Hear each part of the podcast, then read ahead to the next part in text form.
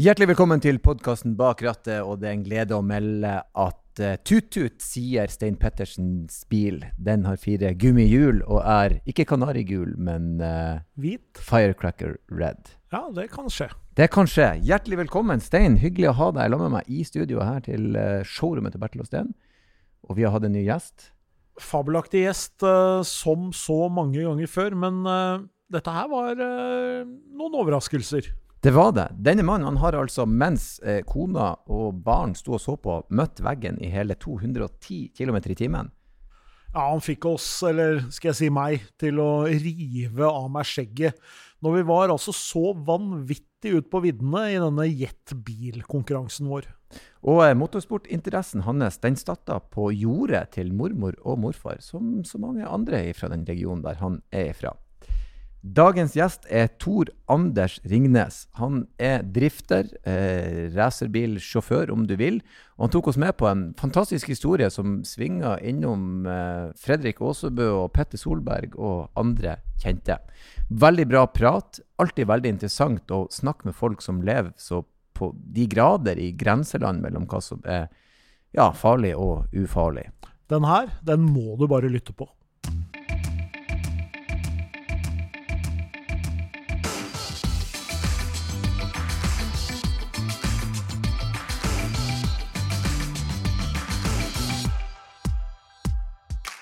Ja, atter en episode, atter en herlig dag og atter en gjest. Hjertelig velkommen, Tor Anders Ringnes. Takk for det. Driftingsjåfør er du. Prøver i hvert fall. Det stemmer, det. Prøver i hvert fall. Ja, jeg har sett bevis på at du er det. Ja, jeg drev med drifting i 16 år, så ja. det er veldig veldig moro. Trives veldig godt med den sporten. Det er, så vi kan trygt gi deg, titulere deg med det. Du, men du har flere hatter på, det skal vi komme litt tilbake til til i løpet av eh, podkasten. Men det er driftinga som er din hovedgeskjeft? Ja, det er jo egentlig det. Det er jo ikke noe jobb, holdt jeg på å si. Det er jo ikke det jeg tjener penger på, men uh, det er en hobby som har blitt uh, veldig, veldig aktivt for meg, da. Mm. Og det er 16 år siden du begynte med det? Ja. Men skal vi, vi Men la oss begynne, la oss begynne med den. Hvordan, hvordan, hvordan drifting? Hva skjedde? Da jeg starta med drifting, så mm. var det litt med Jeg var alltid interessert i bil. Jeg begynte jo å kjøre bil lenge før jeg hadde lov til å kjøre bil. Uh, mora mi er jo fra en uh, gård, så besteforeldrene mine de uh, syntes det var moro at jeg var interesse for bil.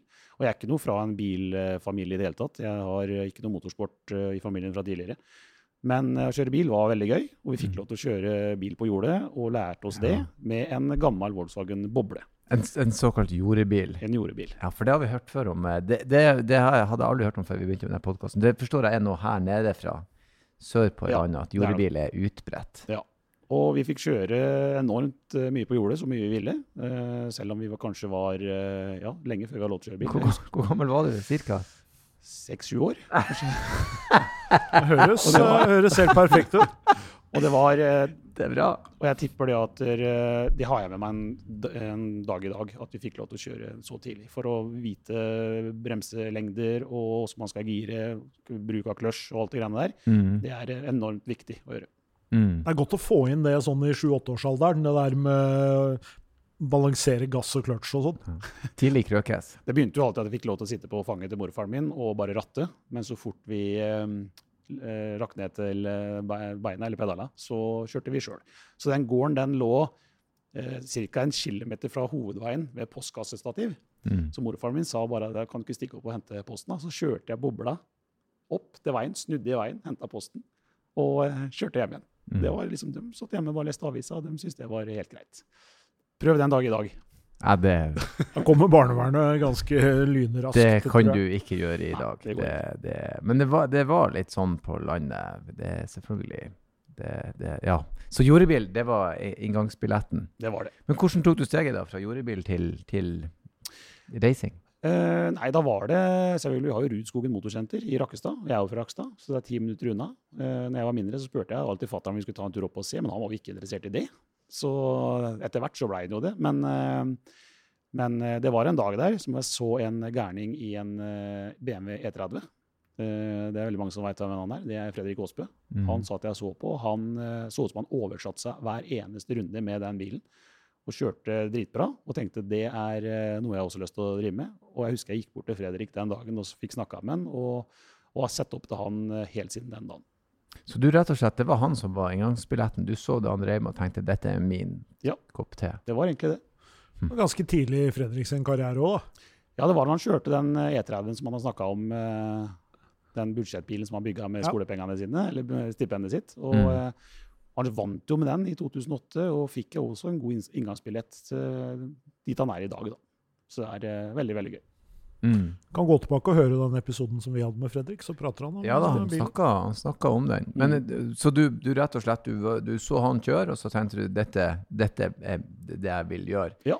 Eh, hvor gikk du derifra? Hvordan bil, hvordan fikk du anskaffa deg bil og erfaring og team? Og du, det, her er jo noe, det er jo det er en veldig sånn, sånn hva skal jeg si, skills i driftinga. Du, det, det, det er noe du må tilegne og lære deg på et vis. Jeg begynte også med en E30, men mye mindre skala enn det han gjorde. De hadde jo ikke noe motor omtrent, så det funka jo ikke. Eh, Men så var jeg litt heldig og eller jeg jobba ekstremt mye. Så fikk jeg en god lønn, jeg fikk igjen bra med skattepenger, jeg fikk feriepenger og ble påkjørt med en Audi jeg hadde, og fikk forsikringspenger. Artig at Så- du legger det inn i flaksen. Ja. så, Så da plutselig bare Oi, nå var det plutselig mye penger på konto. Og da Mm. tenkte jeg nå skal jeg ta det steget og ringe en, eh, ringte en god venn av meg som heter Ove Harlem. Han eh, tok inn eh, biler fra Japan. Uh, sa jeg at jeg vil ha en sånn Nissan av deg. Bestilte den, og den betalte jeg 75 000 for. En sånn ferdig OK driftebil med 300 hester. Og begynte å kjøre med den og fikk det jo ganske bra med en gang. Jeg syntes det var gøy, og de rundt meg sa at du kjører bra, og dette må du fortsette med, og sånn, og det var veldig gøy å få komplimenter på det. Jeg hadde den bilen i noen måneder, og så måtte jeg selvfølgelig oppgradere til en eh, Nissan Skyline, som veldig mange kjenner til. En firedørs Nissan Skyline, som var veldig spesiell. Eh, Jeg fikk min første tredjeplass med den eh, i løp. Og foran meg der da var selvfølgelig Kenneth Moen og Fredrik Aasbø. Så å stå på pallen sammen med de gutta der, det var skikkelig boost. Det må være kult. Hvor lang tid er det fra du så Fredrik kjøre til du sto på pall i lag med han? Eh, Jeg så, det var vel 2006 jeg så han. Ja. 2006 eller 2007, tror jeg. Ja. Eh, Og så sto jeg på pallen med han i 2009 Det er, det er bratt kurve, på, altså. på Gardermoen. Det er jævlig kult, da. Det er Ja. sånn OK, hils på han, Så jeg, og så jeg husker veldig godt ja, at jeg hadde jo ikke stått på pallen før eller vært med de store gutta der eh, så høyt opp. Så jeg husker vi kjørte ned og skulle parkere biler, så titta jeg alltid bort på dem på sida. Hva, hva er det de gjør nå? Ok, De tok av seg hjelmen inn i bilen, ok, de gikk ut. Så gjorde jeg sånn, kopierte dem. da. Så det var sånn veldig sånn, det var sånn utrolig gøy å få stå på pallen sammen med dem. Ja, det må være helt fantastisk. Men da var det et eh, ganske bra driftingmiljø, egentlig, å, å tråkke inn i òg, da. Du kjente folk som, eh, som tok inn biler. Du hadde liksom Men var det det, er det gatebil, på en måte, som var steget inn, eller var det andre miljøer som var viktigere? Jeg begynte jo med selve, Vi hadde en driftingserie i Norge som het Powerdrift. Og den gikk jo over flere år. Det var der jeg begynte. Ja. Og så tenkte jeg da at har jeg noe å gjøre på gatebil, liksom? Og da, og da begynte jeg vel å kjøre der. Men jeg husker faktisk nå at jeg kjørte Breisladden med den BMW-en min på gatebil i 2007. Men eh, da fikk jeg høre etterpå ved spikeren at eh, kan noen fortelle han her at det er en Breisladd-konkurranse, for jeg klarte ikke én eneste sladd med den bilen. Så det som var greia, da, at jeg har aldri vært flau da, om folk liksom sa sånne ting eller gjorde sånn. Jeg har aldri brydd meg om det, for jeg, jeg ville gjøre den målet og bli, prøve å bli god. Mm. Jeg føler at jeg har klart det ganske greit. da. Mm. Så det er veldig moro fra å gå fra null til til å ha gjort det litt bra, da. Si det, det, men det, det syns jeg er bra. Det er en sånn lærdom i det. For si, alt man ikke kan, er vanskelig. Sånn er det bare. Ja. Og da må man jo prøve. Og hvis Ja. du gir opp for at du ikke kan noe, så er jo det feil. Du må jo ikke gi opp noe du kan det. Jeg sier til mange at dere aldri vær redd for å feile. Mm. Jeg får mye spørsmål på, på sosiale medier om har du noen tips til å begynne med drifting, bil og sånne ting. Og da sier jeg alltid det første. Det er å drite i hva alle andre sier, og du må ikke være redd for å feile. For du kommer til å feile, tro meg. Alle feiler. Men hvordan er det miljøet, da? Er det sånn inkluderende og, og hjelpende, på en måte, eller? Ja, driftingmiljøet i Norge har alltid vært ekstremt bra. Det er sånn at du kan gå til konkurrenten din i et løp og si at shit, jeg har tatt dynamoen, liksom. Har du en, kan jeg kjøpe en dynamo av deg, liksom? Og da er det inn i hengeren og finne fram en del til deg, og, og så du får kjørt. Det er eh, veldig viktig, og det sier de at det er ikke i mye annen motorsport. Ikke bilcross eller rallycross eller rally eller noen ting. Der er, har du ikke deler, så er du fucked. Mm. Så det er veldig, veldig gøy. Er, vi håper at det varer, for det trenger vi. Ja, det er jo bedre å, å være i et sånt miljø enn det, enn det motsatte. Men sånn som driftsmiljøet de siste årene i, i, altså sånn her til lands må jo ha vokst en god del. Bare etter de, de her burning-filmene som, som, og den her Rådebank-serien. Altså det med bilkultur føler jeg er liksom på ferd oppover. Merker dere noe til? Ja, gjør jo egentlig det. Og liksom, eh, flere og flere vil jo være med inn i sporten og prøve seg. ikke sant? Det er jo dessverre noen som ikke får til å dette av. Kanskje fordi penger eller ikke har den muligheten til å gjøre det. Men, eh, men absolutt, det har blitt, eh, blitt bra miljø. Og i Østfold der jeg er fra, er det jo veldig mange som kjører. Og de sjåførene vi har på gatebil her i Norge, det er jo mange av de grommeste sjåførene du kan få tak i. Så Mm. det er, det er høyt nivå. Men du sa at uh, du kjøpte deg en driftingbil til 75 000. Hva, hva er liksom inngangsbilletten til dette her i dag, da? Nei, du kan fortsatt kjøpe en bil såpass billig, men da kan du sikkert ikke henge på med de største gutta. For fra 300 hester til 1000 hester som vi kjører med nå, eller kanskje mer, så er de bilene mye mer heavy. Nå er det ordentlig under, eller understell, skikkelig versting-girkasser, det er sekvensielle girkasser, du kan gire kjempefort. Eh, Og biler er superhøy standard på. Men eh, for å komme inn og begynne, så kan du fortsatt kjøpe en bil til 75 000. Det går fint. Ja, for det er, jo, det er jo ofte litt av utfordringen med all motorsport, egentlig. da. Det er jo at uh, innsteget er uh, tøft, og så, og så ryker du alltid på litt mer etter hvert som ambisjonene kommer. Og sånn er det jo nesten uansett hva du driver med. Men uh, det er jo kult at du fortsatt kan, at du kan komme inn på en relativt rimelig inngangsbillett. da. Det går, det. Mm. Bør ikke alltid ha det verste med en gang, tenker jeg da.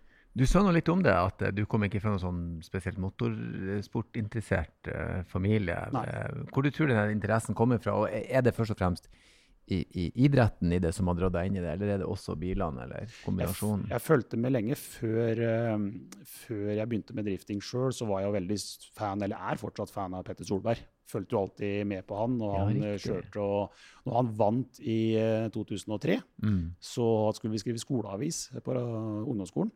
Og da ringte jeg til han, og så sa, hva, fikk jeg bare en eller annen telefon til manageren. Og han sa nei, vi ringer deg tilbake snart, hadde ikke tid nå, liksom.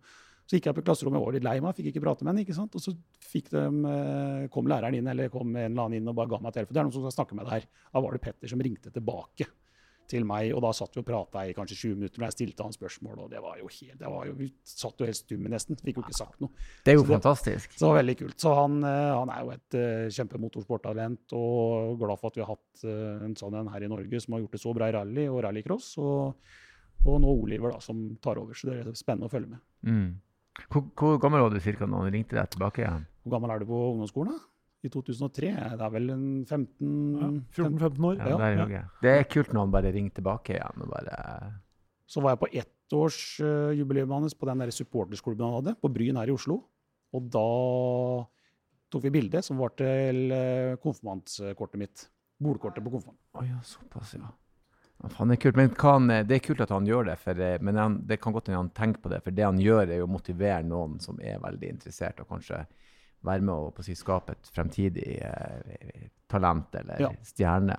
Absolutt. Så han, jeg treffer ham flere ganger etterpå, og han har vært veldig ålreit å, å prate med. Så til og med solgt en bil til han, så, da, Å ja, såpass, ja.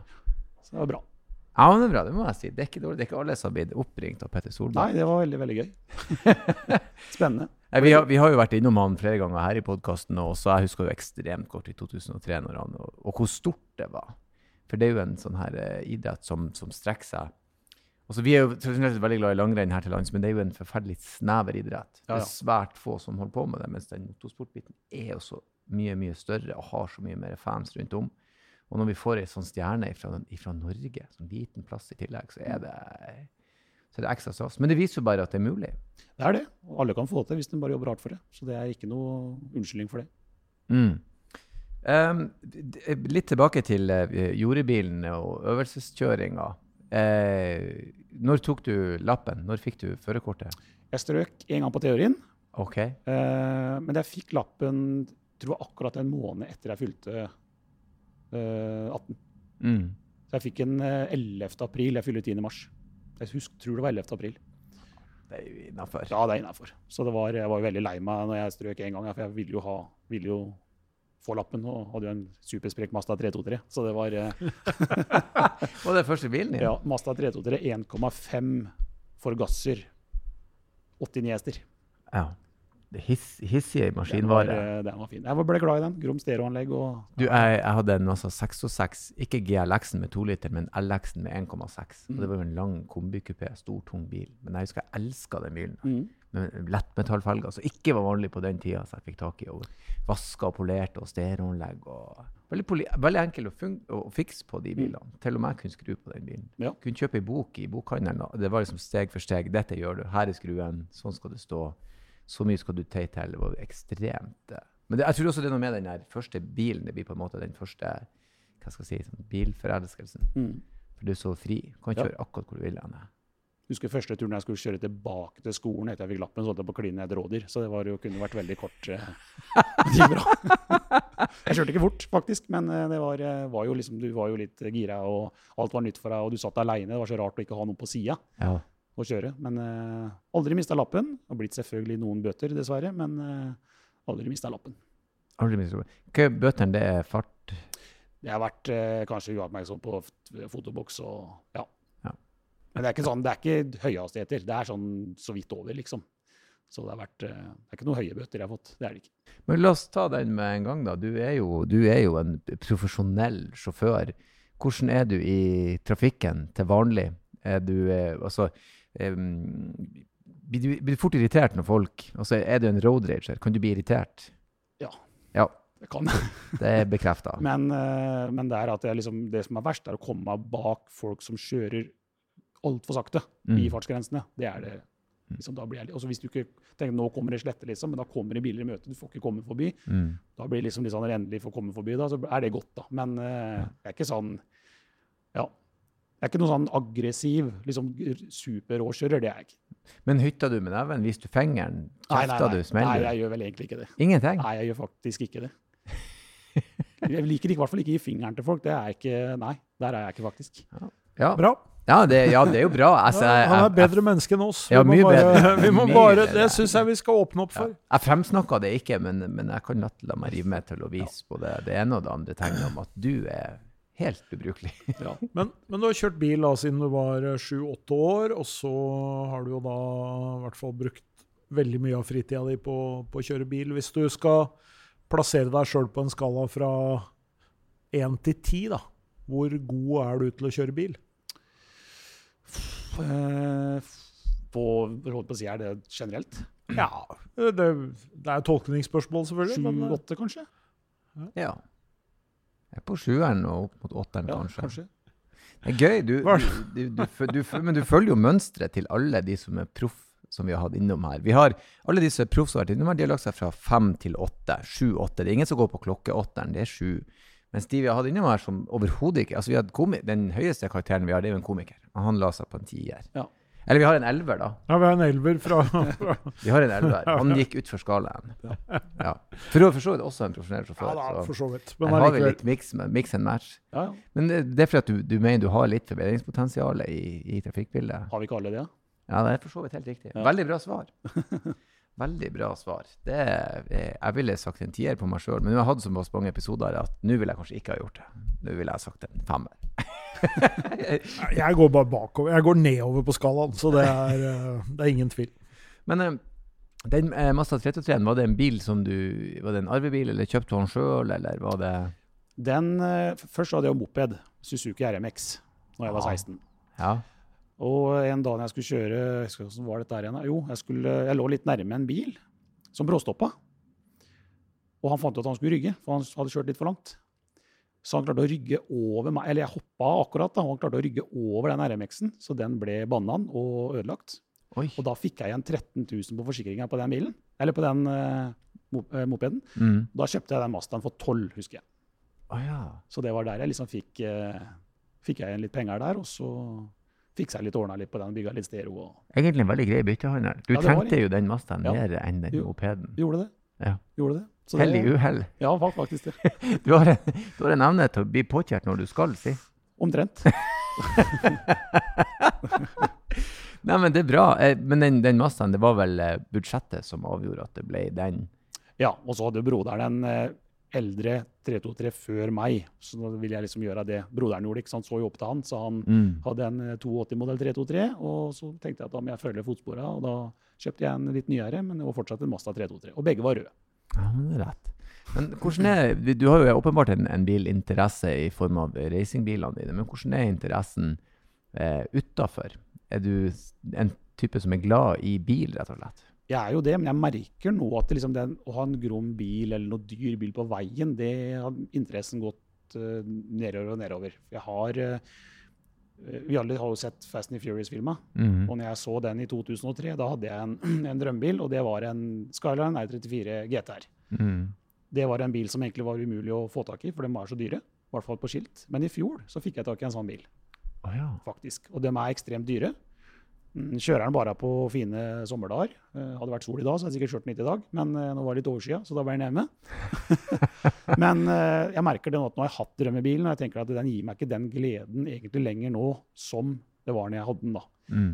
Så om den selges og jeg kjøper noe mer til å kjøre på bane med, eller Ellers liker jeg veldig å investere i eiendom. Det har jeg faktisk begynt litt med. Og jeg vet at det er mer penger å hente i litt hus og eiendom Ja. enn bil. Det er langt uh, lurere. Og det er også som, som er oppdaga, som jeg også tror Stein kan si seg enig i, er at eh, når man har fått det, så, bilen, da, så er det veldig gøy. Men jeg har innsett at det er på en måte prosessen og jakten. Mm. Å finne ut hva vil jeg ha, der er den, hva de koster, hva er innenfor rekkevidde.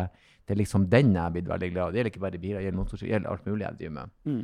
Så du liksom har jakta han og funnet han, og når du har han, så er det sånn Det blir som en, som en, en, en hund som har fått pinnen sin. Så er det sånn, ja, nå har jeg han. Ja, ja. Gidder du hive han en gang til? Det er det som er gøy når jeg skal hente han. Det er liksom ikke den i seg sjøl som er så Så du mister litt uh, den gnisten når du som du sier, endelig har fått tak i noe som du har venta så mye på. Så har Mm. du det, og da, da går gnisten bort igjen. Veldig sjelden levde opp til forventningene du har bygd opp oppi hodet ditt også på hvordan det her skal Men bli. sånn er det med allting, tror jeg. Hvis du er heldig og vinner en god sum med penger òg, så er det sikkert veldig gromt akkurat i starten. Men jeg tror ikke du blir noe lykkeligere og gladere. Å nei, nei, nei. Tror jeg ikke. Så det er, eh, ting kanskje blir lettere, men du blir ikke noe gladere. Mm. Tror jeg ikke. Bortsett fra å vinne race, da blir man Ja, Det er alltid gøy, for da har du det, det jager du jo alltid på. Du har Mm. alltid lyst til å stå på førsteplassen, ikke sant? Mm. Og uh, hver gang du vinner, så er det ekstremt gøy. mm. Det er det. En helt annen type, type sult. Ja. Vi skal for øvrig prøve å finne ut hva du kjører til vanlig, men det skal vi ta litt senere. Eh, hvordan eh, Er du en handy type fyr? Vi, de fleste vi snakker med som driver med det her, de må jo gjøre litt sjøl. Er du en type som skrur på bilen sjøl, eller er det ingenting? Eh, jo, skrur masse på bilen sjøl, Mm. men det er ekstremt mye jobb. Så jeg er heldig å ha fått med meg nå eh, Rune Syversen. Han eh, er min hovedmekaniker nå for, for det opplegget jeg har nå. og Han gjør ekstremt mye sjøl, han syns det er veldig veldig moro. Vi er like gamle og har det dritkult i verkstedet når vi skrur. Og han, eh, han har tatt over den eh, ja, som sagt, hoveddelen med med å ha serve bilen og, og fikse på treff og sånn. For når jeg er på treff og kjører, så kjører jeg, og så er det viktig å få snakka med folk som kommer, så ikke jeg blir avvisende etter dem. Og da har han Mm. sagt at nå ordner jeg bilen, og du tar av det andre. Du er sjåfør, jeg er mekaniker. Så det er veldig, veldig bra. Mm. For du, det er rett og slett den, den vedlikeholdsbiten den er like så stor, om ikke større. Det er så mye. Det må jeg- serves hele tida. Drifting det er 1% kjøring og 99% fiksing og skruing og alt mulig annet. Oh. Ja, ja.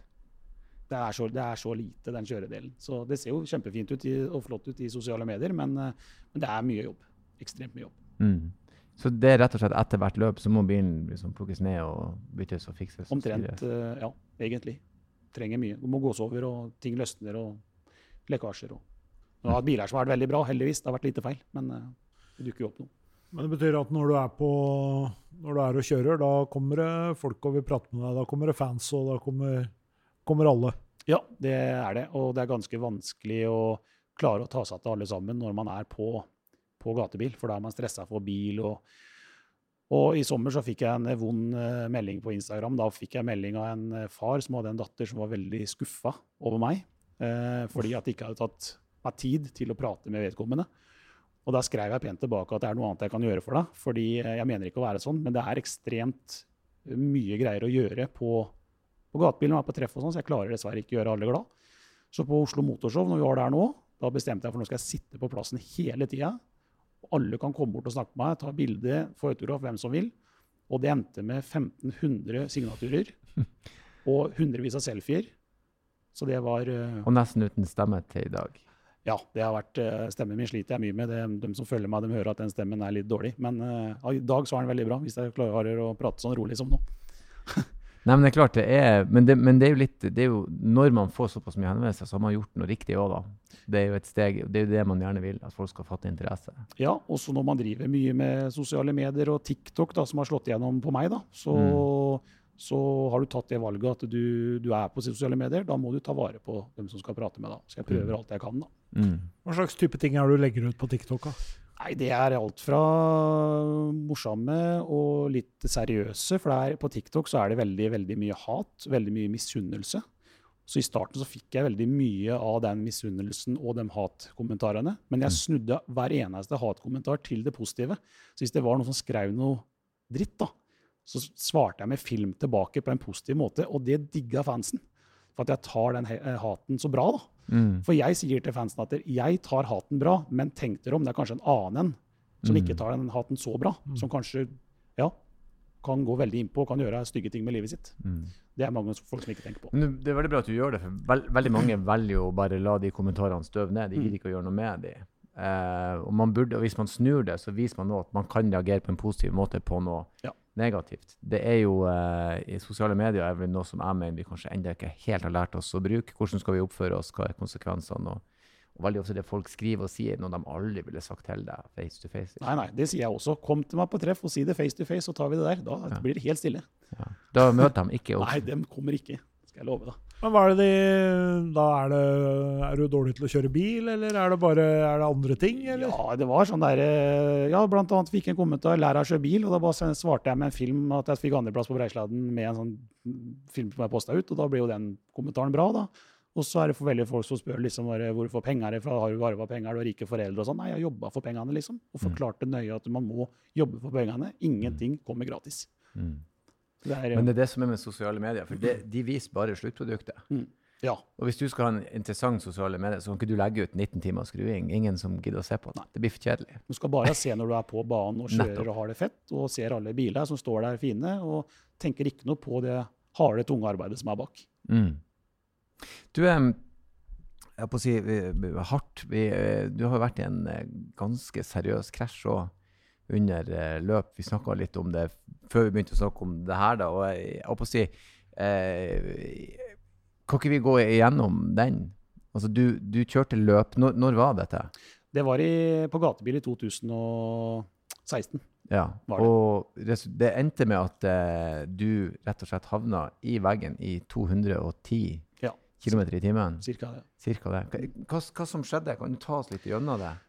Det som var, vi drev og, det var ikke, under, var ikke under løp, det var under frikjøring på gatebil. Eh, Mm. vi drev og filma for TV 2. Så det var en sånn filmbil som var utpå der. Vi filma bl.a. med Fredrik Aasbø og den gjengen der eh, for Toyota. Og så skulle jeg hente igjen eh, gutta foran, for de hadde kjørt fra meg litt. Så da gir jeg på maks fart ut fra langsvingen på Rudskogen. Eh, treffer turtranspæra på femte gir. Da er det i overkant av 200 km i timen. Når jeg skal passere en bil da, så svinger den bilen over. Jeg passerer den på venstre. Han svinger over, vi treffer hverandre, hjul mot hjul, sånn som du ser på hvis du forestiller deg når Formel 1-bil eller gokart treffer hverandre. At du blir bare kasta opp i lufta. Mm. Sånn blei det. Ble smelt opp i veggen, sklei nedover, Uh, rulla ikke sidelengs, men på høykant, altså nesa på bilen var ned. Oh. Uh, ble slengt gjennom lufta der, og det var ca. 200-250 meter fra det skjedde til det stoppa. Ja. Og uh, det som var, da, det var at når jeg, der jeg landa, så husker jeg dattera mi og samboeren min sa at de skulle stå og se oppå, oppe i teltet oppå kuren der. Akkurat der tenkte jeg at fader, det var der jeg landa nå, så nå må jeg bare gå ut og vise at jeg er hel. Så jeg går ut av bilen etter åtte sekunder og tar henda i været og viser at jeg er hel. Og så, og så står jeg og ser på bilen, og da ser jeg bare hele livet bare raser sammen. Bilen ligger på taket. Eh, Kan det fikses? Jeg tenkte liksom nei, mekanikeren han vipper den bilen rundt igjen og skrur litt, og så kan vi kjøre etterpå eller i morgen. Men eh, det skjedde ikke. Den bilen ble helt banan, og tipper at det var mellom kanskje 1 til 1,2 millioner tapt. Uff. Alt sammen der. Men, men hva, som, hva som eh, går gjennom hodet ditt i det altså, For du må jo på et tidspunkt ha tenkt at det her går rett til helvete. Jeg husker i, akkurat like før det skjedde, så så jeg på sidesynet at ofte dette kommer til å bli stygt, at han kommer til å smelle kanskje inn i eh, treffer meg, og så blir det døtta inn i veggen, og så blir det bare riper på siden og kanskje litt ødelagte deler. Men akkurat idet jeg tenkte det, så ble jeg bare kasta opp i lufta. Og satt inni der og holdt i rattet, og jeg følte at alt gikk i slow motion. Det var akkurat som å take på et bilspill. Um, Mm. Det var lyder, og det var gnistrer, og det var eh, Fikk masse sand i munnen, husker jeg, og alt ble bare helt kaos. Når jeg gikk ut, så skulle jeg tro det var en at det var et eh, hva skal jeg si for noe, terrorbombe som hadde eksplodert midt på Langsletta. der, For alt var kaos. Det var lyder, og jeg var svimmel. og Ja. Mm. Men jeg ble tatt veldig godt vare på av, av uh, sjuke folka der borte. da. Inn i ambulansen og full sjekk. og Mm. Ja, ble, ble du noe sk- skader? Fysiske skader? Det viser seg at jeg strakk uh, muskelen i nakken veldig mye. Eh, så den var jo helt uh, lamma. Så når jeg lå på sjukehusstua og skulle reise meg opp, så klarte jeg ikke det. Så jeg måtte ta handa bak huet liksom for å Og når jeg liksom gikk, så kjente jeg at huet var liksom Virka som at det var dårlig hengsla. da. Mm. Jeg prøvde å sette meg hjelmen etterpå, da, det klarte jeg ikke. Da datt bare huet ned. Mm. Og neste morgen så kom jeg ikke opp av senga, og da begynte jeg å få vondt i ryggen og litt sånn. Men, eh, men eh, to, det, det gikk bra, da. Mm. Heldigvis. Det er jo sikre biler. Vi sitter her med full bur og seler og, og belter, og alt er jo, alt er jo sikkert. Mm. Hva sa samboeren din da? Hun sa at dette er kjempebra, dette må vi fortsette med fremover. Hun er jo eh, kjemperedd for det her, da, hele tida. hun, hun har sagt det noen ganger, men hun er mer redd enn hun sier, tror jeg. Og jeg har sagt det, jeg har krasja, det kommer kanskje til å skje igjen. Hun hater den iskjøringa vi driver med. vet du. Hun er redd for den isgreiene. Men som jeg sier, at det er trygt. det er, det er, eh, Isen er kjempesjuk, og vi kjører ikke ut på det før det er brøyta. Og, så det, jeg bør ikke være redd for det. Men eh, det er eh, selvfølgelig det, Jeg sitter et støkk det da, og ser samboeren bare fly gjennom lufta. og Men for din egen del, da. Det, du må jo ha fått en støkk, du også. Hvordan påvirka det deg i, i etterkant?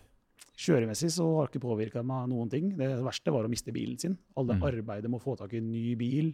Mm. Eh, Jeg hadde en kjempegod sponsor som hjelpa meg med den bilen, og, og han blei med litt på den nye, men eh, det å bygge seg opp helt nytt igjen, det var, det var vanskelig, da. Men vi kom oss tilbake. Det tok to år, da. Mm. Hvor lang tid gikk det fra, fra krasjen til du kjørte løp igjen? Tre uker. Ja. Lånte bil til Ola Jæger, en god kompis av meg fra Fredrikstad. Lånte Superaen hans. Jeg lå veldig go godt an på sammendraget i driftingserien i Norge. Så lånte den bilen, kjørte inn til førsteplass der, og vant Nei, jeg kom andreplass totalt det året. Mm. Så du vant løpet og kom på andreplass totalt? Ja. Så, så, så etter krasjen så bare rett inn og vinne et løp? Ja. Det må jo ha gjort godt. Det må jo ha smakt usedvanlig godt. Det var det. Og jeg husker at jeg tenkte ikke så veldig mye tilbake på krasjen når jeg kjørte. Og det var kanskje litt med at jeg hadde lånt bil, jeg måtte tenke litt på det, så jeg ikke krasja den òg, for da hadde det jo blitt fryktelig dyrt, for jeg måtte reparere den òg, ikke sant. Midt oppi når vi skulle bygge opp en ny bil sjøl. Ja. Men eh, nei, det gikk bra. Det var veldig, veldig gøy. Så det, er, eh, det har vært en livserfaring, og som jeg har sagt i ettertid, det har vært jævlig show å oppleve en sånn krasj. Det anbefaler ingen å gjøre det. For det det er heavy greier, altså. på en måte kan jeg, jeg kan skjønne Du vil gjerne ha den på en måte krigshistorien, men du vil helst ikke oppleve det. Men det er greit, på en måte. Du, du kommer ut på andre enden sterkere, og ting er bygd opp igjen. Og, Uh, noen uker før så kjørte vi opp på Mantorp, da var det gatebil der. Og der dro jeg noe skikkelig der òg. dro inn i noen dekkstabler der. Uh, Feilberegna en sving. Og da tenkte jeg, var jeg også oppe på to hjul. Og da husker jeg sa til de andre etterpå at det var det eneste jeg taket hadde vært sov og prøvd, sa jeg. Men det skjedde jo Ja. noen uker etterpå. Så det, var, gikk troll i jord der. det gjorde det. Ikke vær redd, eh, Tor Anders. Det skal du få oppleve Det snart. fort, det går fort altså. Det Ja. gjør det på banen. Det går, eh, drifting går fortere enn folk tror Mm. på mange steder. Mye fortere. Ja. Det gjør det. Og man ligger tett på hverandre. Det er eh, Nei. Moro å få fått med seg. Ja, ja. Moro. Eh, En ting til som jeg er litt sånn nysgjerrig på, for du har jo, du, har jo, du kjører jo løp og den her biten, og, men eh, du har jo også vært med litt eh, i de her burning-filmene. Mm. Så ekspertisen din blir brukt i, i andre settinger. Hvordan av de filmene er det du har vært med på? Det, Jeg har vært med i Burning 2. ja, Så den som har sett den, så er det jeg som kjører den grå Lamborghinien der. Det er jeg som krasjer med vilje en grå Lamborghini på Burning 2. så du, da, da, OK, det her føler jeg jo vi må Her må vi, her må vi grave litt. Hvilken Lamborghini var det? En Hurrakan. En Huracan? LP610, så det var eh, firehjulstrekk og godt med krefter. Mhm.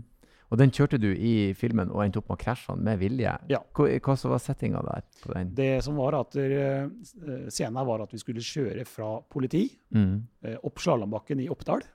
Alltid drømt om å kjøre Lamborghini i Slalåmbakken, så det passa veldig veldig bra. Da sier de til meg at nå skal du kjøre den opp egentlig i høy hastighet og krasje den inn i, inn i snøfonna. Og det fikk vi til. Og det ble jo litt uh, skavanker på bil og sånn, men senere ble kjempetøft, da. Mm.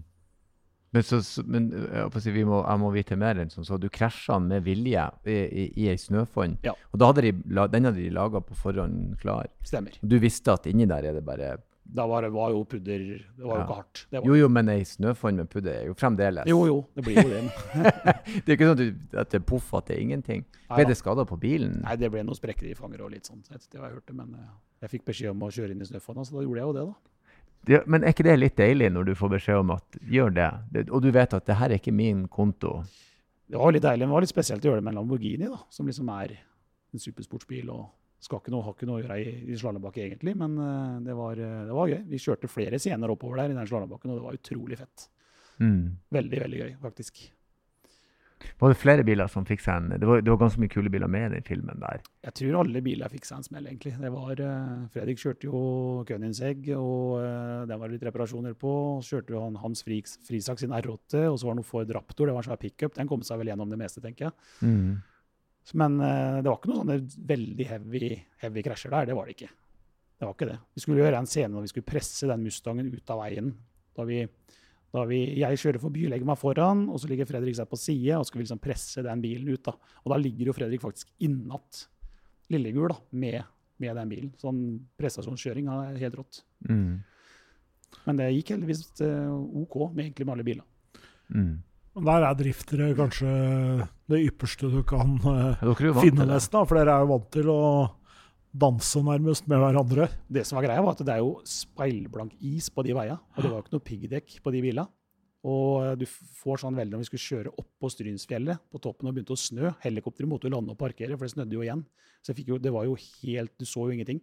Når vi kjørte alle biler på rekke, så var han førstemann sa ifra på radioen at nå skal jeg begynne å bremse. Han sa ifra nå begynner jeg snart å bremse. Og så bakerst begynne å bremse først. ikke sant? For Hvis han første bremsa, så ble det jo bare hele smørja. Men det gikk, eh, det gikk, bra. Vi var superseriøse på de scenene, og det var uh, morsomt å være med på. Kult. Vanvittig, vanvittig erfaring, i hvert fall. Ja, det. Uff. Jeg vet ikke helt om sjefen min var så veldig glad for, å, for å, at jeg skulle være borte fra jobb, for jeg spurte om én uke. Og så var det jo gøy, da, så jeg ville jo ikke gi meg der. Og så spurte jeg om en uke til. Ja, det var greit, da. Og så sier jeg at jeg måtte ha en uke til, for jeg var borte tre uker. Nei, fader, nå må du komme på jobb. Gir meg den siste uka. Da. Ja, det var greit, da. Og han syntes det var moro, han altså. Men uh, daglig lederen han lurte på, lurte på, hvem jeg har fått fri til dette greiene her. Så, så jeg har fått uh, sjefen, men uh, Det må alltid gå på høyeste. Det er det som er viktig. Bare, det har jeg fått hos sjefen. Så det var, ja, måtte jo det. Nei, det var moro, det. Ja, For du har, du har en jobb ved siden av? Ja, nå driver jeg for meg sjøl, da. Mm. Driver, lettere å få fri da, si? Det er det. Sjefen er litt lettere å ha med å gjøre der. Eller ikke alltid, men kanskje. ja, ja. Um, vi, har, uh, vi, har, også en spalte der vi skal prøve å gjette bil. Vi skal prøve oss der, og denne gangen så skal vi ikke låse oss eh, fast i noen forhåndsoppfatninger eller uh, hint. Oh, jo. Ja, ja, vi blir sikkert å gjøre det. uh, det er et ganske enkelt opplegg. Vi har ti spørsmål til disposisjon. og vi skal prøve å da fiske oss frem til hvilken type bil du da kjører. Merke og type. Og eh, jeg hopper inn og begynte. Ja, og, og, vi, og, vi, er enige om hvilken bil vi skal er enige Ja, har, dette er din, din, din, daily driver, altså. Ja. Den, den, daglige bruksbilen. Det er den vi skal prøve å, å finne ut av. Ja. ja Start du, Erlend. Rett inn. Jeg liker alltid å begynne med drivlinja. Er det strøm, eh, bensin, diesel eller en kombinasjon av begge? Altså en hybrid. Diesel. Dieselbil. Alltid. Ja, ja, ja. ja, ja. Du er liksom du, Ja, hvordan tror du det er? Tror du det kommer det elektriske driftingbiler? Ja, det tror det, De har prøvd i USA. Det gikk ikke helt etter boka, tror jeg. Men uh, jeg vet ikke. Da skal ikke jeg kjøre mer. Jeg gidder ikke de greiene der. Oi, den er, den er ja, bastant. Ja, nå er jeg 35 år, da, så jeg holdt på med dette så lenge, så da finner jeg på noe annet isteden. Men, uh, men uh, nei. Jeg tror ikke det. Histori med sånn historisk drifting mm. er det jeg kommer til å holde på med. Ja. Kommer alltid til å kjøre på isen, tenker jeg. Det kommer jeg til å holde på med. Men hvis det blir elbiler i drifting det, Du ser åssen det har blitt på rallycross nå. Det er jo ikke noe gøy å gå på rallycrossløp nå når du bare ser noen radiostyrte biler som går rundt, liksom. Det er, eh, jeg har vært og sett på Petter Solberg og Ken Block og den gjengen oppe på Hell i 2014, og det var superfett med de lydene og sånn. Og du får ikke den samme opplevelsen nå Mm. Sikkert gromt å kjøre, men eh, nei. Ja, det, er et, det er et aspekt av det. For de som er kids som ser det for første gang, så vil det bli deres. Mm. Det er det jeg tror. Man må bare venne seg med at for oss så blir det her eh, noe annet enn eh, Ja, rett og slett. Altså, vi har referansene med lyd og, og den følelsen av det. Men OK. Det er en diesel. Eh, Stein, vær så god. Er det typen eh, Sitter du litt høyt, eller sitter du lavt, som du gjør i driftingbilen din? Nei, det sitter litt høyere. Ja. Sitter høyere. Litt høyere. Um, jeg tror jeg skal bare rett og slett prøve å finne ut uh, uh, vi, vi er, er det forhjulstrekk, bakhjulstrekk eller firehjulstrekk? Firehjulstrekk. Fire ganger fire. Du kan velge, faktisk. Ja, du Ja. kan velge. Og du kan velge, ja. ja. Velger du sjøl, eller kommer Du kan velge sjøl. Foran, Vel. eller- foran eller firehjulstrekk. Velg sjøl. Hmm. For mange biler har kombinasjonen at firehjulstrekken slår inn når det er behov for det, men Mm. her velger du sjøl. Hvor ifra i verden kommer bilen din? Er det en europeer, amerikaner eller er det en asiat? Eh, holdt jeg på å si Det er jo eh, Hva heter det når flere biler eh, lager biler sammen? ja. Eh, du får den liksom i flere varianter, da. Mhm. Men Ja. jeg, må, jeg, må, jeg må jo si det er jo en asiatisk bil, da, blir ikke det? ja. Men har din bil Bærer den et japansk merkenavn?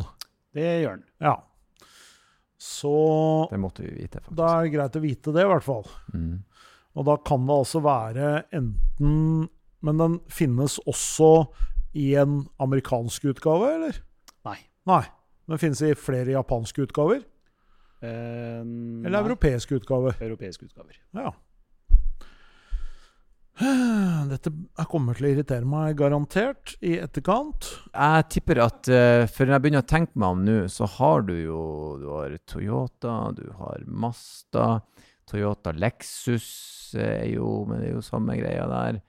Men jeg, jeg, jeg hopper rett inn med hodet først eh, og spør om er det en Toyota du har. Det er det. En Toyota. Så det er en Toyota.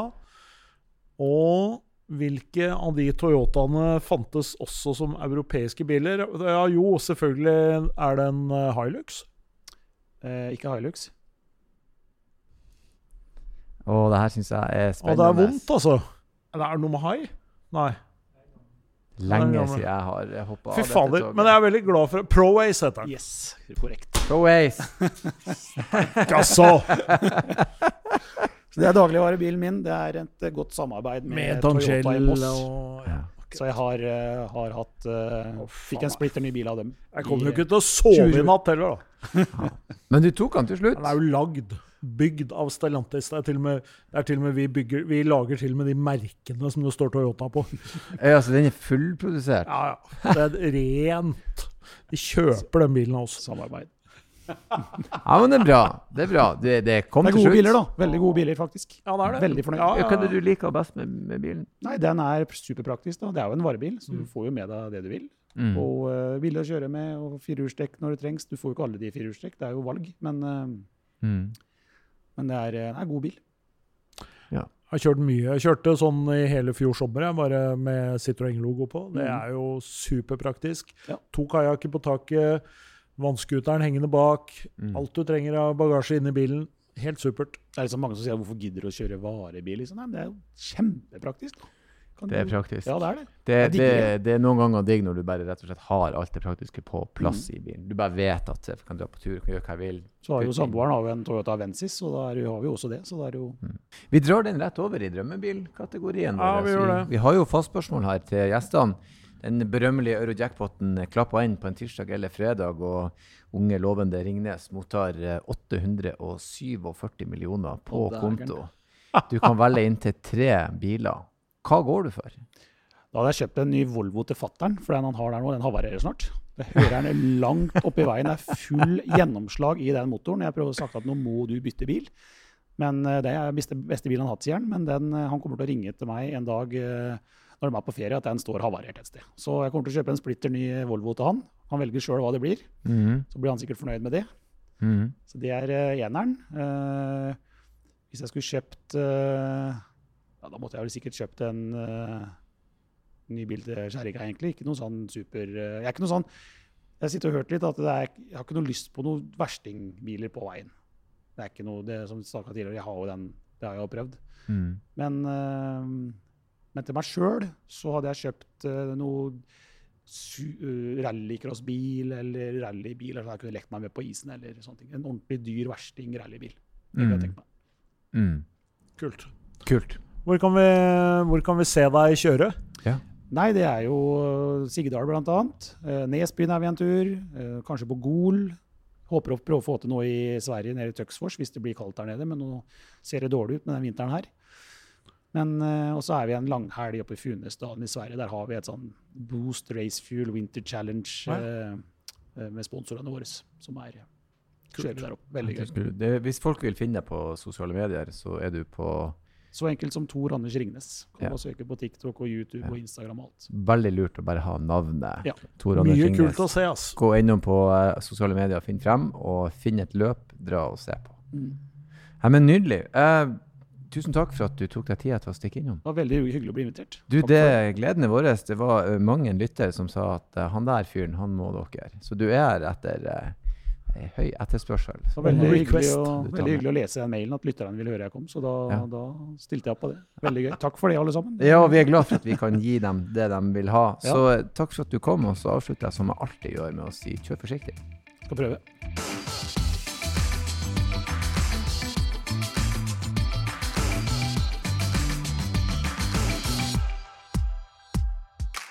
Hei, hei, hei, stopp! Det er ikke ferdig ennå. Ikke skru av. Det er bare jeg som hiver meg på og ber dere om følgende. Hvis dere vil ha gjester, hvis dere vil komme med kommentarer, hvis dere har spørsmål, bruk endelig vår e-postadresse som er bakrattet.bos.no. Bakrattet.bos.no. Ta kontakt, og ikke glem å kjøre forsiktig.